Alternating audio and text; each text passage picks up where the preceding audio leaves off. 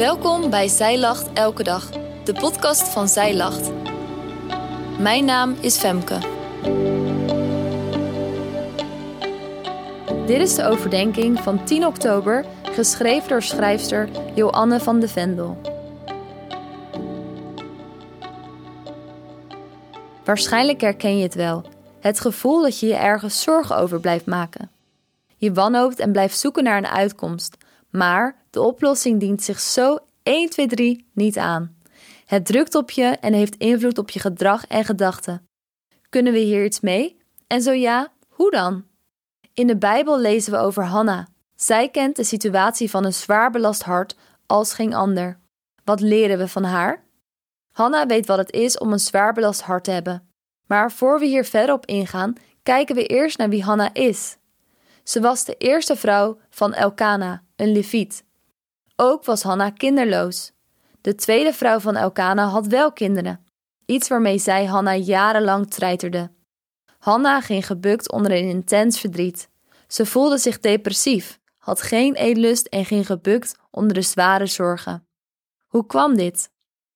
In 1 Samuel 1, vers 6 tot 7 staat: Haar tegenpartij treiterde haar telkens weer om haar kwaad te maken, omdat de Heere haar baarmoeder toegesloten had. En zo ging het jaar op jaar. Zo dikwijls als zij naar het huis van de Heer ging, treiterde zij haar. Dan helde zij en at niet.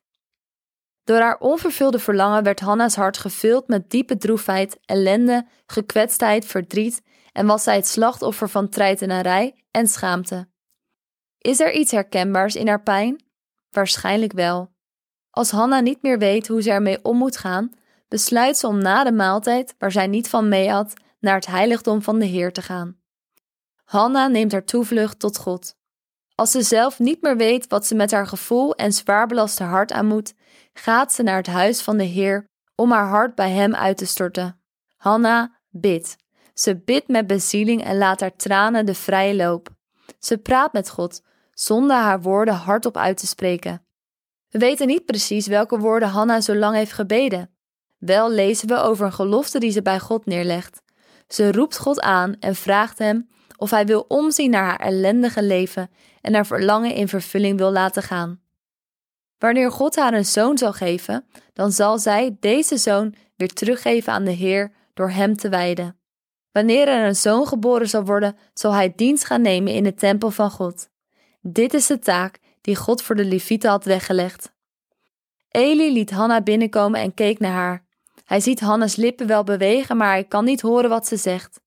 Later gaat Eli met Hanna in gesprek en zij zegt: Houd uw dienares toch niet voor een verdorven vrouw, want vanwege de veelheid van mijn gedachten en mijn verdriet heb ik tot nu toe gesproken.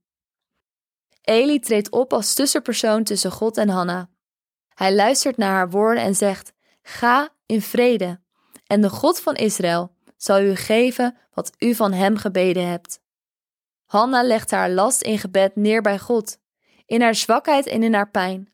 Maar door de woorden van Eli wordt ze bemoedigd en raakt vol vertrouwen. Ze heeft de last van haar hart ingeruild voor de vrede van God. Ze gaat naar huis en zelf haar eetlust is weer terug. Het gebed van Hanna wordt verhoord. Weet dan dat je ten alle tijden en in alle dingen geborgen bent in de liefde en vrede van God. Ongeacht de uitkomst van jouw gebed, is Gods vrede er voor jou. Lieve vrouw, is jouw hart gevuld met kleine of grote zorgen? Neem dan net als Hanna je toevlucht tot de Heer. Hij luistert naar jouw gebed in al je smekingen en dankzeggingen. Ik wens je God kracht en vrede toe om de last van je hart bij Hem te brengen. Laat het bij Hem, zodat de ruimte in je hart vrijkomt om je te laten vullen met Gods vrede. En in Filippenzen 4, vers 6 tot 7 staat: Wees in geen ding bezorgd, maar laat uw verlangens in alles door bidden en smeken, met dankzegging bekend worden bij God. En de vrede van God, die alle begrip te boven gaat, zal uw harten en uw gedachten bewaken in Christus Jezus.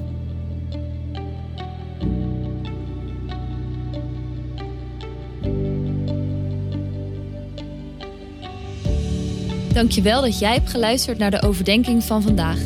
Wil je de overdenking nalezen? Check dan onze website Je vindt er ook meer toffe dingen die jou helpen om de Bijbel vaker te openen, zoals boeken, Bijbels, cursussen en evenementen.